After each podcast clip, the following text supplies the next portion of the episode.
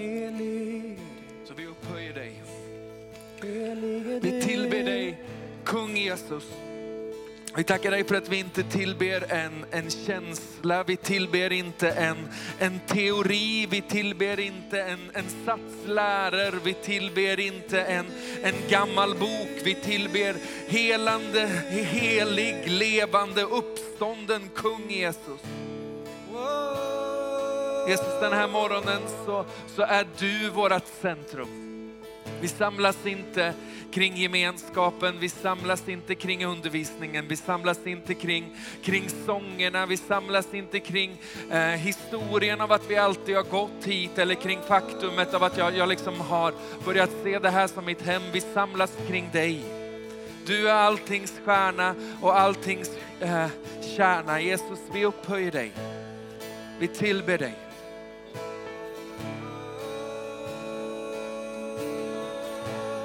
Upphöj kung Jesus, kom hylla, kom hylla upp.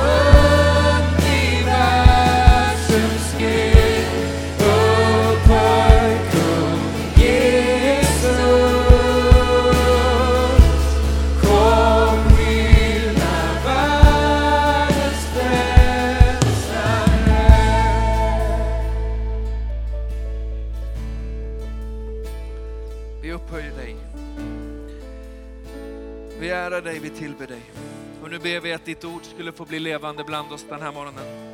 Att du skulle tala till oss, att du skulle ge oss liksom riktning, att du skulle ge oss eh, föda, att du skulle ge oss det som vi behöver.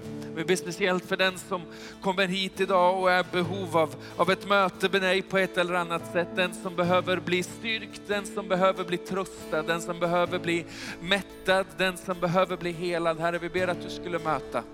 Att du skulle kliva rakt in i, i berättelsen, att du skulle kliva rakt in i det som händer och sker och låta ditt, ditt ljus få tränga undan mörker. Vi ber så i Jesu namn. Amen. Amen. Varsågoda och sitt. Jag räknar på, Alfred heter jag förresten, jag är en av eh, pastorerna här. Jag räknar lite på, på fingrarna, jag är vass på att räkna på fingrarna. Eh, det är en av mina begåvningar, att räkna på fingrarna. Och kom fram till att det var, det här är, du vet en del grejer är stora för någon och så är det inte så stort för någon annan. Men för sex år sedan, eller egentligen fem år sedan och nio månader sedan, så satt jag uppe i eh, turkiska salongen som är en av våra lokaler här uppe tillsammans med församlingsledningen. Och så pratade vi om vi skulle komma till eh, Citykyrkan. Jag blev erbjuden att, att vara med och arbeta med gänget här. Och sa att det, det gör vi nog gärna, men ni vet om att ert ljud är värdelöst va? Ja, ja, ja. Så, ni vet. Och ni vet att vi behöver byta det. Jajamensan. Och snart sex år senare så hör ni vad jag säger. Känner ni det? En fantastisk upplevelse. En del går inte alls igång på det. Jag är eh, sprallig idag. Jag har lett sådär lite fånigt hela gudstjänsten. Eh, ni vet när man står och ler och ser lite förnöjd ut. Så här. Klädsamt. Men nu är det inte det vi ska prata om. Vi ska dyka in i Guds ord. När, när, när Sebastian eh, Staxet var här för tre veckor sedan nu eller vad det är, eh, så eh, sa han många grejer, men, men mitt i allting, och jag är en sån människa som jag springer runt mycket om jag inte har någon uppgift själv och, och grejar med saker. Jag, jag, stör mig på små saker och så springer jag runt och grejar med det. Så jag är nere vid datorerna som nu till exempel. Nu vet ni att då, då stiger pulsen lite grann. Då ska vi lösa det i veckan. Se och komma på vad det är som gör att det blir fel. Så det trodde jag hade löst i torsdags, men där är vi igen. Bra. Och där är vi. Eh, men, men mitt i allt som han sa så, så sa han så här, och jag ska inte försöka liksom imitera hans eh, svenska eller hans meningsbyggnad, men han sa, vi har fått ett ord om att det som Gud gör kommer vara som en gryta. Det kommer att brinna nere på botten och bubbla upp till toppen. Man behöver nog lite kontext för att det ska bli starkt. Eh, men, men, men för er som inte känner Sebbe så, så, så är han en, en gammal gangster som nu eh, har blivit frälst och som når liksom in i, i de fälten där han tidigare fanns, in bland sina gamla kompisar, in i gängen, in i de som på många sätt är eh, de små i samhället, de svaga, de utsatta eller i alla fall de som lever i utkanten av samhället.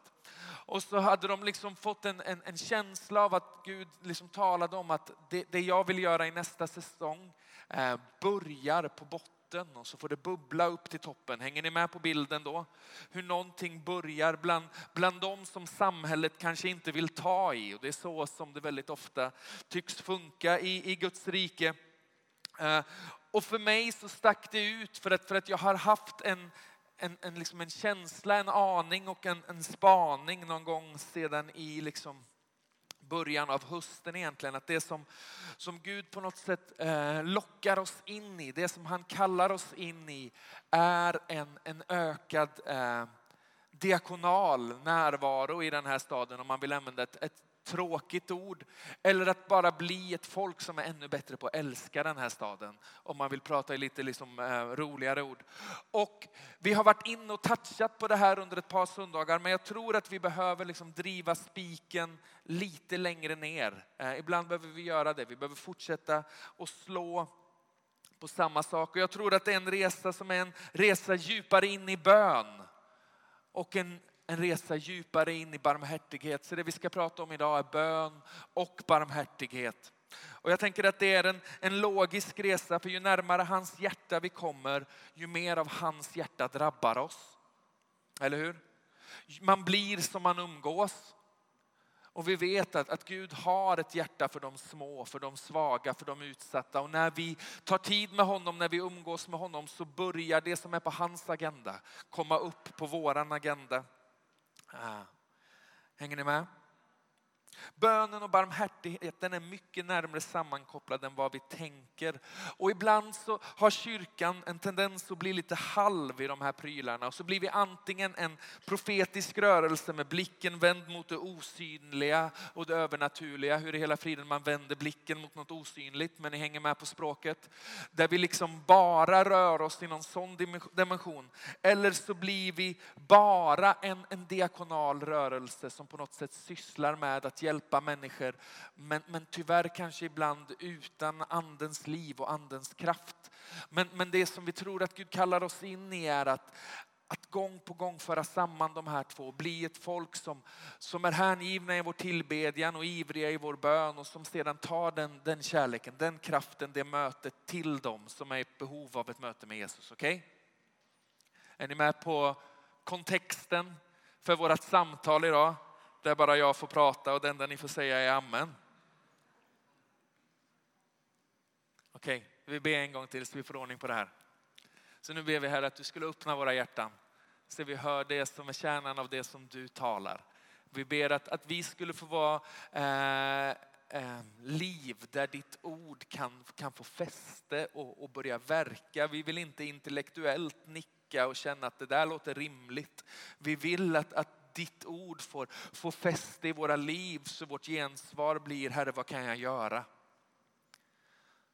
Så heliga ande verka bland oss idag. I Jesu namn.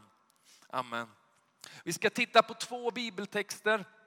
Och den första bibeltexten är en sån där bibeltext som vi har, har jobbat med jättemycket de senaste åren och som har funnits med i den här församlingen jättelänge. Så det är inga nyheter. Men jag ska se om vi kan liksom bara eh, på något sätt känna igen vad Gud gör i texten och kanske hitta någon växel till i det. Matteus 21. Står det så här ifrån vers 12. Jesus kom in på tempelplatsen och drev ut alla som sålde och köpte där i templet. Ni får inte göra det med de som säljer biljetter till kvinnofrukosten sen. De har tillstånd att vara här och det är inte det vi liksom är ute efter idag. Bara så ni är snälla mot Lena och gänget. Det har varit synd om Lena blir utjagad för att jag har läst från Matteus. Han välte växlarnas bord och duvförsäljarnas stolar och sa till dem, det står skrivet, mitt hus ska kallas ett bönens hus, men ni har gjort det till ett rövarnäste. På tempelplatsen kom blinda och lama fram till honom och han botade dem.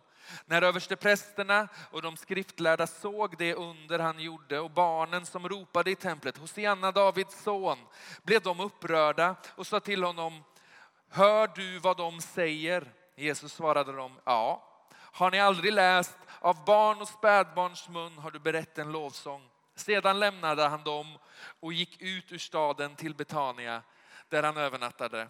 Det här är, är världshistoriens första dokumenterade mic drop. Hör ni vad de säger? Ja. Sen lämnade han dem. Fattar man inte det så fattar man inte. Det är ingen idé då. Släpp det. Det första som händer när Jesus kliver in i templet är att han, han driver ut det, det religiösa och det elitistiska, eller hur? Det som hade hänt var att platsen för, för tillbedjan hade på något sätt gjorts otillgänglig för de som var sämre bemedlade. För det som skulle offras var man tvungen att köpa. Och så blev det helt plötsligt liksom lite sådär att, att de som hade det dåligt liksom förspänt fick plötsligt svårt att tillbe. Det är en poäng med att de säger att det är duvor som de sålde, för duvorna var liksom de fattiga människors offer. En, en oxe kan vi fatta att det kostar en slant och ett lamm är liksom inte heller något man har liggande hemma. Men, men en duva, det räcker att gå ner till Sergels torg så ser vi att de finns det gott om. Liksom. Det, det där är på något sätt den enkla människans offer och det sålde man och det, det blev en, en religiös kommers där tillbedjan blev Eh, Eh, otillgänglig. Så Jesus tar tag i det. Han kastar ut det ur templet och så säger han, har ni inte hört att det står skrivet att mitt hus ska vara ett bönens hus för alla folk. Det är liksom eh, bakgrunden. Och det här bönens hus för alla folk, det är ett sånt där ord som som har funnits med i den här församlingens eh, historia ett tag. Att vi vill vara ett bönens hus för alla folk. Och jag tänker att vi ska försöka peta lite i den grejen.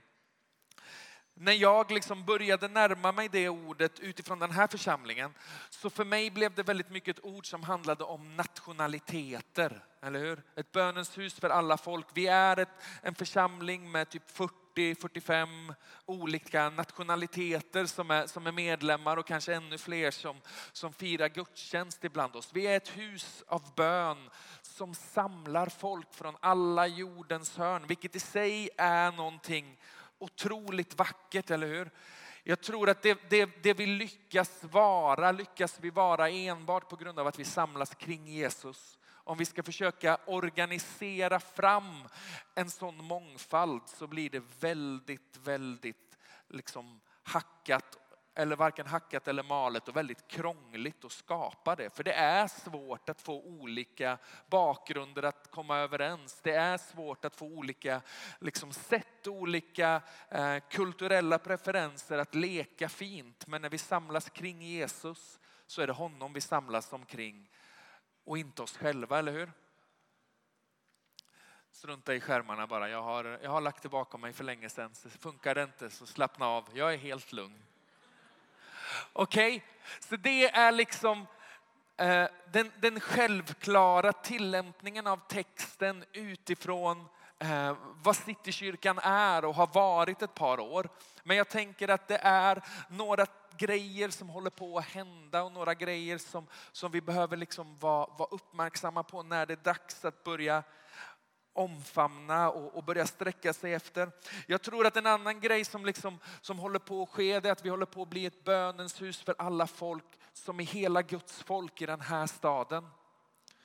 En, en rörelse där, där han förenar oss, där Jesus förenar oss, där vi inte samlas av att vi är ju kristna, vi borde göra någonting ihop och så letar man minsta gemensamma nämnare för att kunna vara överens och så blir det liksom något som kanske är, är bra men det gör inte så stor skillnad. Det är ju ofta ekumenikens problem att den är driven av... Äh? Jag trodde Gabriel vinkade åt mig med någonting. Det är inte projektorerna det är fel på så det är ingen idé att krångla med dem. Uh, men hänger ni med på den grejen? Där vi liksom letar minsta gemensamma nämnare. Men, men det, det jag anar och det jag spanar och det jag tror Gud gör ibland oss, det är att han låter oss vara med och skapa en plats där hela Guds folk får samlas för att be. Vi märkte hur det började ske i, i januari under böneveckorna som var. Hur det började trilla in folk från andra församlingar. Inte för att de vill byta kyrka, men för att de vill vara en del av en bönegemenskap. Och så kan vi få vara med och husera någonting som får bli till välsignelse för staden. Vi blir ett bönens hus för alla folk som inte bara är nationerna utan för kyrkan i Stockholm. Eh, det är en sån där grej som vi bara liksom noterar i hörnet och är lite uppmärksamma på. Paul driver en, en spännande grej längre fram i, i vår när vi försöker bara samla föreståndarna från alla församlingar i den här staden för att äta tillsammans, för vi känner inte varandra. Samla människor. Det har planterats 70-80 församlingar i Stockholm de senaste tio åren. Väldigt många av dem har ingen relation med den etablerade kyrkan. Tänk om vi kan få vara en plats som gör det möjligt för människor att, att hitta in i den större familjen. Okej? Okay? Alla folk, kyrkorna kommer samman. Men alla folk handlar också om de marginaliserade och de utsatta. Vi märker att så fort liksom det religiösa eh, liksom tas bort från bordet i den här texten, så fort eh, det som eh, på något sätt har lagt beslag på tillbedjan, när det försvinner ifrån bordet så kommer liksom skuggornas folk in i ljuset, eller hur? De lama och de blinda kommer fram till Jesus, för Jesus är alltid attraktiv för de utsatta. Jesus är alltid attraktiv för de som kämpar. För den som är på botten så är det instinktivt tydligt att man är i behov av någonting, eller hur? Det finns en sån saying att när planet störtar så ber ateisten. Eller hur? Alltså när vi är på väg ner så har alla någonting i sig av att vända sig mot Gud. Och för den som redan har slått i botten så är det väldigt självklart att vända sig mot Jesus men inte alltid lika självklart att vända sig mot kyrkan. Eller hur? För kyrkan är inte alltid så bra på att representera Jesus. Men det som jag tror håller på att hända och ske är att Gud på något sätt ger oss tillbaka mandatet att betjäna de små och de svaga i den här staden. Och för, för två veckor sedan så, så öppnade vår LP-kontakt upp. Vi har haft Café Liv i, i massa år och de har liksom kämpat troget varje onsdag kväll under merparten av årets månader. Och det vi ser är att jättemånga människor har blivit frälsta. Inte så många människor har blivit upprättade.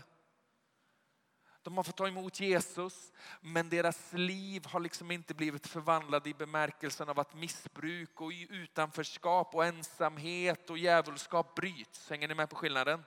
Det är fantastiskt att de tar emot Jesus, men det vi vill se är ju förvandlade liv, eller hur? Och så märker vi att LP-kontakten kommer få hjälpa oss att vara en sån plats där det inte bara handlar om att räcka upp sin hand i luften och säga Jesus jag tar emot dig. Där det inte bara handlar om att dämpa hungern en stund utan där det handlar om att vandra tillsammans med någon för att liksom få se hopp och liv bryta in i människors liv. Eller hur? Jag tror inte att det är allt vi ska göra men jag tror att det är början på någonting. Gud gör någonting nytt. Det som också händer i texten, alla folk, är att när, när det religiösa tappar sitt grepp så kommer barnen springande. Eller hur? Då kommer barnen springande och det de instinktivt gör det är att de tillber. Det de instinktivt gör, det är att de upphöjer Jesus. Man behöver inte lära barn tillbe, man behöver ta bort det som hindrar deras tillbedjan. Och det är också en sån där grej som har, har börjat ske, men som jag tror kommer få vara en del av, av den rörelsen som, som på något sätt Gud leder oss in i. Det är inte en supertraditionell predikan, men jag tror vi bara behöver liksom, eh, göra oss lite medvetna på en del grejer. För när vi börjar se vad Gud gör så har vi lättare att känna igen det igen och lättare att följa liksom, in i det som han gör. Det Gud gör ibland oss har med barnen att göra. En kallelse att vara en plats som gör det lätt för barnen att möta Jesus. Resan är bort från att i rädslans namn endast informera om honom till att i frihetens namn vara en plats där barnen kan springa till honom. Jag tror många gånger att vi är så rädda för att indoktrinera att vi bara informerar. Eller hur? Vi berättar berättelserna om Jesus men vi leder inte till ett möte med Jesus. Och när rädslan tappar sitt grepp, för rädsla och religion är, är syskon. När det tappar sitt grepp så blir det lätt för barnen att lära känna Jesus. Eller hur? Hänger ni med mig?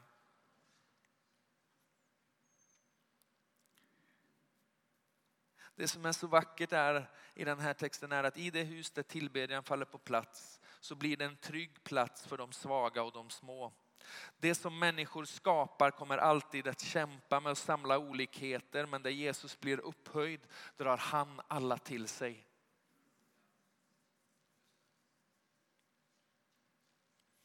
Jag tänker att det här är liksom en del i resan av att vara ett bönens hus för alla folk. Jag tror att, att Jesus kallar oss in i liksom ett ännu djupare böneengagemang som inte är världsfrånvänt utan snarare tvärtom, det är världstillvänt.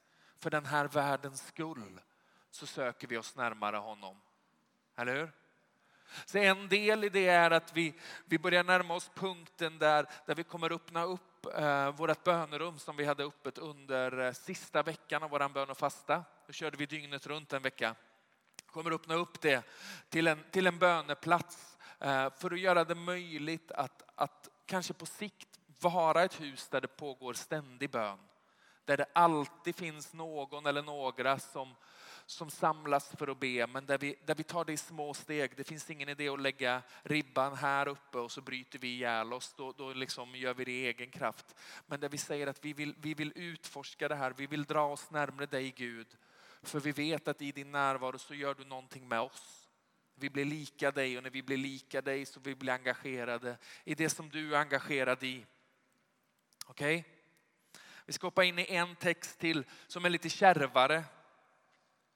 Matteus 25, så ni får bläddra fram fyra texter. Fyra kapitel.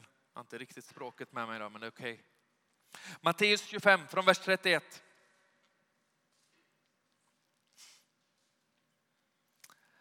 Står det så här. När människosonen kommer i sin härlighet och alla änglar med honom, då ska han sätta sig på sin härlighetstron och alla folk ska samlas inför honom. So far so good. Och han ska skilja dem från varandra som herdar skiljer fåren från getterna. Och han ska ställa fåren på sin högra sida och getterna på den vänstra. Då ska kungen säga till dem som står på hans högra sida, kom ni mina fars välsignade, ta emot det rike som har stått berett för er sedan världens skapelse. För jag var hungrig och ni gav mig att mätta, jag var törstig och ni gav mig att dricka, jag var främling och ni tog emot mig. Jag var naken och ni klädde mig, jag var sjuk och ni besökte mig, jag var i fängelse och ni kom till mig. Då ska de rättfärdiga svara honom, Herre, när såg vi dig hungrig och gav dig att äta eller törstig och gav dig att dricka? Och när såg vi dig som främling och tog emot dig eller naken och klädde dig? Och när såg vi dig sjuk eller i fängelse och kom till dig? Då ska kungen svara dem, jag säger er sanningen, allt vad ni har gjort för en av dessa mina minsta bröder, det har ni gjort mot mig, eller för mig. Jag tänker att de händer som lyfts i lovsång på söndag morgon måste sträckas ut mot den svage på måndag morgon. Barmhärtighet är inte bara goda gärningar vi gör för att visa på Guds godhet. Ibland så reducerar vi till det. Vi gör goda gärningar för att visa på Guds godhet. Men barmhärtighet är tillbedjan. Vi betjänar Jesus när vi betjänar dem som är nära hans hjärta. Hängde ni med på det? Det ni har gjort mot dessa mina minsta har ni också gjort mot mig. Kärnan av vad Citykyrkan är, är ett folk som samlas kring Jesus och hans närvaro. Men vi kommer till en punkt i den resan när, när sången inte räcker längre. Och inte i bemärkelsen att det är dåligt, men när man känner att det här ger liksom inte ett fullt uttryck för min tacksamhet. När bönerna känns små, när orden inte fångar fullheten av vår tacksamhet. En punkt där vi i vår kärlek till honom vill komma ännu närmare honom. Och vid den punkten så inbjuds vi att betjäna honom genom att betjäna staden. Betjäna honom genom att betjäna den svaga och den utsatte, den fångne och den sjuka. Bönens hus välkomnar de små och de svaga och betjänandet av de små och de svaga är tillbedjan. Jag tror att det som, nu är jag orange på den skärmen. Det som, som Gud på något sätt lockar oss in i det som Gud kallar oss in i tror jag och vi, och vi, behöver pröva det här men delar av det här ser vi redan att det, det, börjar hända och ske. Det är att ännu mer luta oss in i bönen, luta oss in i, i kallelsen att vara ett bönens hus för alla folk. Men i den rörelsen så vänder vi oss inte bort ifrån staden utan snarare mot den. För de ligger så nära varandra, de är så djupt besläktade. Vi kan inte vara ett bedjande folk utan att bli ett betjänande folk av dem som är på hans hjärta. Hänger ni med på det? Och, och då blir utmaningen för oss att på något sätt vara uppmärksamma på hur Gud leder oss djupare in i bönen men också uppmärksamma på när han sänder möjligheter i vår väg att visa barmhärtighet när han sände möjligheter i vår värld att, att sträcka, i vår väg att sträcka ut handen, när han sände möjligheter i vår väg att, att faktiskt tillbe honom genom att betjäna någon annan. Genom att göra som honom och böja sig ner i någon annans smuts för att tvätta fötter, för att, för att trösta, för att omfamna, för att styrka, för att bära, för att hjälpa. Jag tror att det här är, är någonting som, som verkligen är på Guds hjärta för den säsong som vi är på väg in i. Där, där vi älskar vad som händer i LP. Men där det är ett uttryck av många för vad Gud på något sätt kommer göra. Jag vet inte hur det ser ut. Jag vet inte hur det ska gå till och det här är inte min grej. Jag är inte så noga med människor. Jag spelar gitarr och hänger upp högtalare. Det är mina grejer. Men men jag anar någonting av hur Gud på något sätt kallar oss närmre sig. Men den rörelsen är inte en världsfrånvänd rörelse utan en världstillvänd. Där vi på något sätt låter honom göra något med våra hjärtan så att vår hårdhet börjar vändas till mjukhet och där vår upptagenhet av oss själva börjar bli en upptagenhet av det som han har sin blick på. Hänger ni med mig? Förstår ni mig?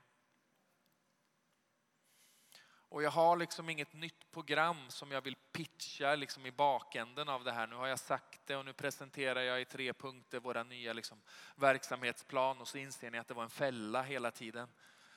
Det är inte en sån grej men, men, men vi tror att, att, att Gud kallar oss in i djupare bön och djupare barmhärtighet. Jag slog upp på en församlingsledning. Vi, vi, vi, vi pratade om vad ska vi kalla det där bönerummet. Man skulle bara kunna kalla det bönerummet. Det är ju liksom ett eh, funktionellt namn. Tydligt, eller hur? Vad gör man i bönerummet? Man ber. Och så, och så, och så kom jag på att eh, i England så, så kallar de eh, bönerummen för, för boiling rooms. Eh, ett boiler room är ett pannrum. Eller Alltså bara liksom utifrån bilden av att det är liksom från den punkten som, som hela kåken värms upp. Eller hur? Det är bönen som på något sätt håller allting brinnande. Så jag försökte pitcha för Paul att vi skulle kalla det pannrummet. Han har aldrig sett så oentusiastisk ut över någonting som han gjorde. Eh, det var ganska konstigt. Alfred Jovlunden som en, som en ung och spänstig och liksom modern människa, han fattade med en gång storheten i det här. Men Paul som har passerat 40, han, han behöver lite tid att smälta det.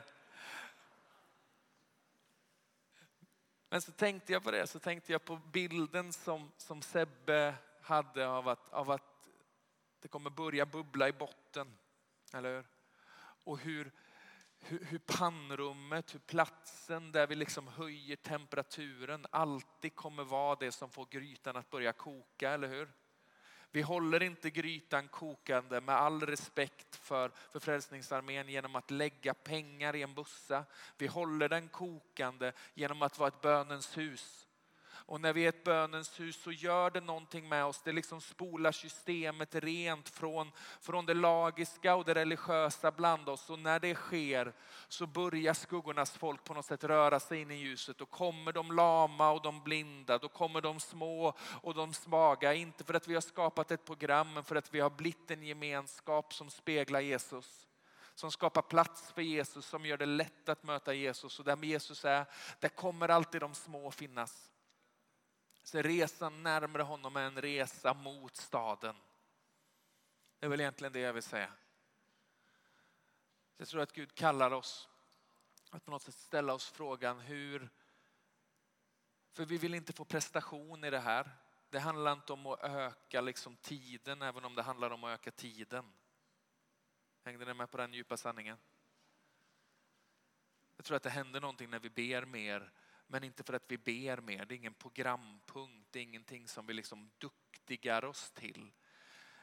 Utan någonstans tar det sitt avstamp i hjärtan som längtar efter mer av honom. Och när vi längtar efter mer av honom så ger han våra hjärtan det som är på hans hjärta. Och så börjar vi älska den här staden. Vi kan göra det utifrån intellekt, vi kan göra det utifrån liksom förståndet av att det ni har gjort mot en av dessa minsta, liksom, och så bara vi tar ordet och så gör vi det för att det står så. Och det är inte dåligt för vi hjälper människor. Men när vi liksom får fatt i möjligheten att komma närmare Jesus än vad vi någonsin har varit förut genom att betjäna dem som han är nära, så blir det en annan grej. Då behöver vi inte dela upp oss mellan söndag och måndag. Då blir vårt liv en tillbedjan. Då blir våra liv liv inför honom. Då blir våra liv liv som säger låt ditt rike komma. Låt din vilja ske, låt din godhet och din nåd, din kärlek och din kraft bli synlig genom mig. Typ så. Ska vi be?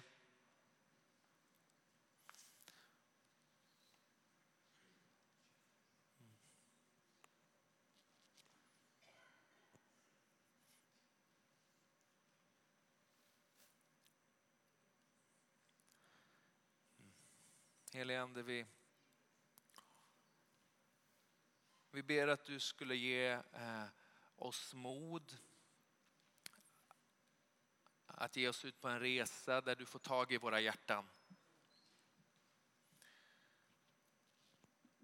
Vi ber att du skulle ge oss mod att ge oss ut på en resa där du börjar få våran puls att slå för det som får din puls att slå. Där du börjar få våra, våra hjärtan att bedrövas över det som du bedrövas över. Där du börjar ge oss en, liksom en börda och en sorg över det som ger dig en, en börda och en sorg. Inte så att vi bara ska gå runt och må dåligt utan så att vi kan få bli till hopp och välsignelse in på de platserna. Herre, gör oss till ett, till ett bönens hus.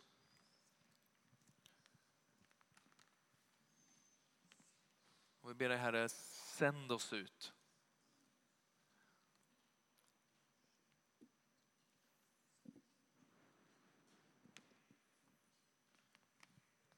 Helige Ande, vi ber att du skulle öka vår, vår längtan efter närhet med Fadern men också att du skulle öka vår, vår längtan efter att få, få betjäna väl. Att få representera honom väl, att få vara där han är genom att vara nära dem som han är nära.